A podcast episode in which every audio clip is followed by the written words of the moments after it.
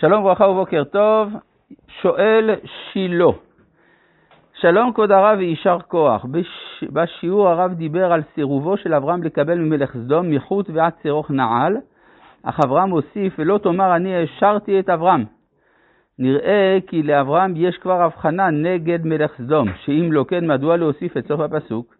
לפי זה יכול מלך סדום כבר עשה רע, ומלך סדום כבר עשה רע בעיני השם, אם כן, מדוע מתבלע אברהם שהשם ביקש להשחיתה מאוחר יותר? אכן, אברהם הבחין שאנשי סדום רעים וחטאים לשם מאוד, כמו שכבר כתוב לפני כן למעלה. אלא שאברהם סבור שלכן צריך לא לקבל אותם. וזאת הייתה טעותו. אלא ש... אה, ולכן, כשהוא מבין שאם הוא היה מכניס אותם תחת כנפיו, הוא היה גם מחזיר אותם בתשובה, ושבגלל זה אה, בסוף הם השחיתו את דרכם ללא אפשרות של תקנה, הוא לקח את זה מאוד ללב, הוא מרגיש אחריות, ולכן הוא מתפלל על אנשי סדום. ובכן, אנחנו ממשיכים בפרק ט"ו של ספר בראשית, פרשת לך לך, ואנחנו בפסוק ט"ו. ואתה תבוא אל אבותיך בשלום, תיקבר בשיבה טובה. אז ראינו שהדבר הזה מוכיח שעבור אברהם השאלה של במה ידע איננה חטא, אלא היא חטא כאשר זה מתרגם אצל, בהתנהגות של בניו, ודור רביעי ישובו הנה כי לא שלם עוון האמורי עד הנה. טוב, יש פה כמה שאלות. מה זה דור רביעי ישובו הנה? לפני כן אמרת לי 400 שנה, אז 400 שנה זה הרבה יותר מארבע דורות. אלא מה, בתוך הקהל הגדול שאחרי 400 שנה חוזר, אז יש גם אנשים שעברו ארבע דורות, זה יכול להיות. אבל אם אנחנו לוקחים בחשבון את זה ש-400 שנה זה לא 400 שנה, אז הדור רביעי זה כן אפשרי. על כל פנים נראה שיש כאן אופציות שונות שניתנות לגאולה. כלומר, יכול להיות שזה יהיה 400 שנה מלאות, ויכול להיות שזה רק ארבע דורות. במה זה יהיה תלוי? אה, בכל מיני דברים, בין היתר בעוון האמורי, כלומר בגורם שהוא חיצוני למצרים. עוון האמורי הוא זה שיכול לגרום להחיש את, ש... את הזמן של היציאה, יכול להיות גם שהוא יכול לאחר את הזמן. לא ראינו אמורי בארץ בינתיים, ראינו כנעני. למה? הנר, הנר הוא ממרא האמורי, בעילוני ממרא האמורי, והוא אחי, הנר ואחי אשכול, ראינו. וגם את האמורי היושב בחצצון תמר, ראינו. הכנעני זה, ה... זה העם בכללו, כן, אבל כנראה שעוון האמורי הוא היה יותר מאוחר. הרי יש הרבה עמים בכנען. כן. אז יכול להיות שהוא כבר שלם עוון הכנעני והיבוסי והפריזי, אבל של האמורי עוד לא שלם. יכול להיות. אולי הכוונה גם לסיחון ועוג. סיחון היה אמורי, אז לך תדע, אולי זה קשור לזה. כן. אגב, באופן כללי, האוכלוסיות של כנען מתחלקות לשני סוגים, כנעני ואמורי.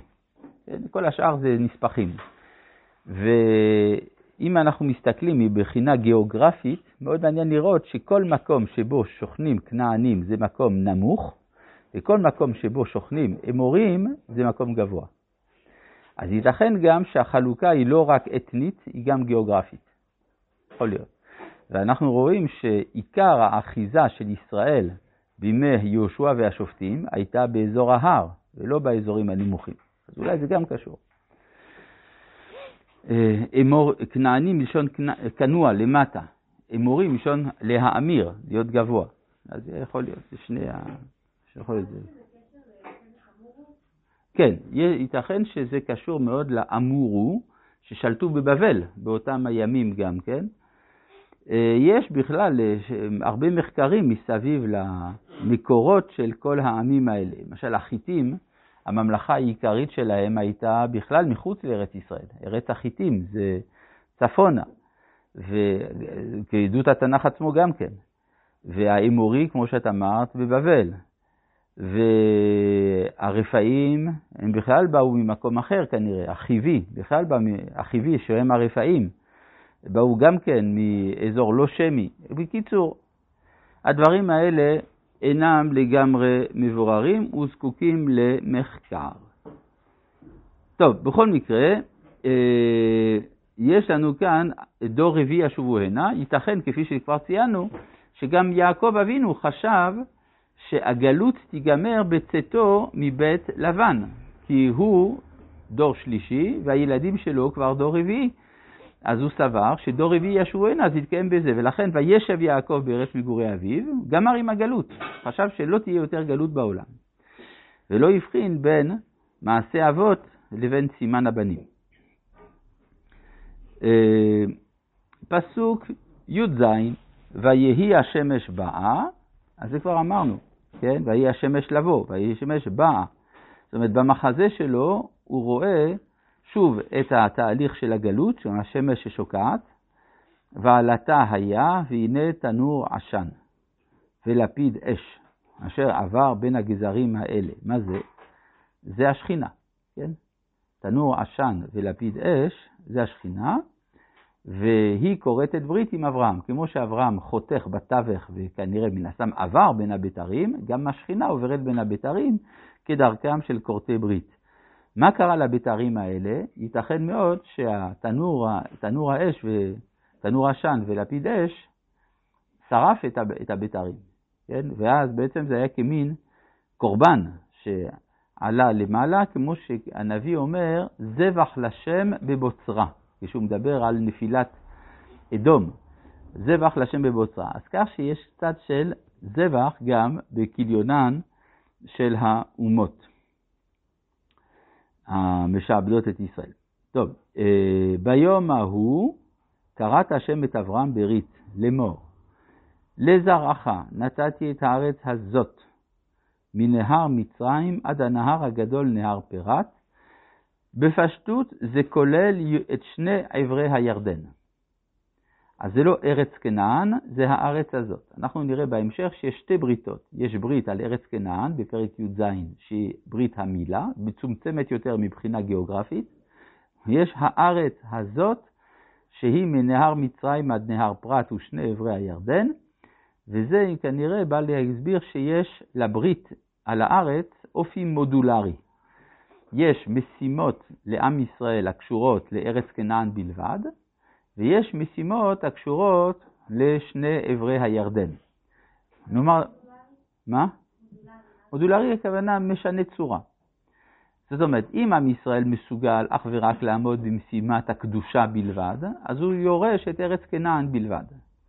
ואם הוא אה, מסוגל גם לתיקון עולם כולו, אז הוא יורש את שני עברי הירדן. בימינו, למשל, אנחנו כבשנו את ארץ כנען ממזר... ממערב לירדן, וקצת מהארץ שמעבר לירדן, זה רמת הגולן. כן? רמת הגולן, המקום שבו יש לנו אחיזה בייעוד האוניברסלי של היהדות, וכנראה שיש לזה איזה עתיד מזהיר. כן, כי הרי מלחמת גוג ומגוג מתחילה דרך הגולן גם כן.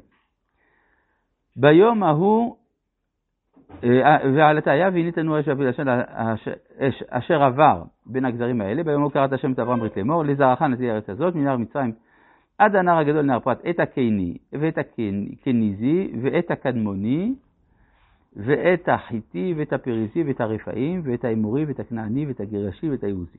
עשר אומות. בדרך כלל מדובר על שבעה עמים. אז גם פה אנחנו מבינים שה, אה, שהכיבוש של העמים גם הוא מודולרי. קני, כניזי וקדמוני, אמרו חז"ל, זה רק לעתיד לבוא. איפה זה? יש שלוש דעות בחז"ל, איפה זה קני, כניזי וקדמוני. אבל בפשטות מדובר בספר המדברי של ארץ ישראל, עמים שבאזור של הפרת, בין, בין, אה, בין מדבר ערב לבין הפרת.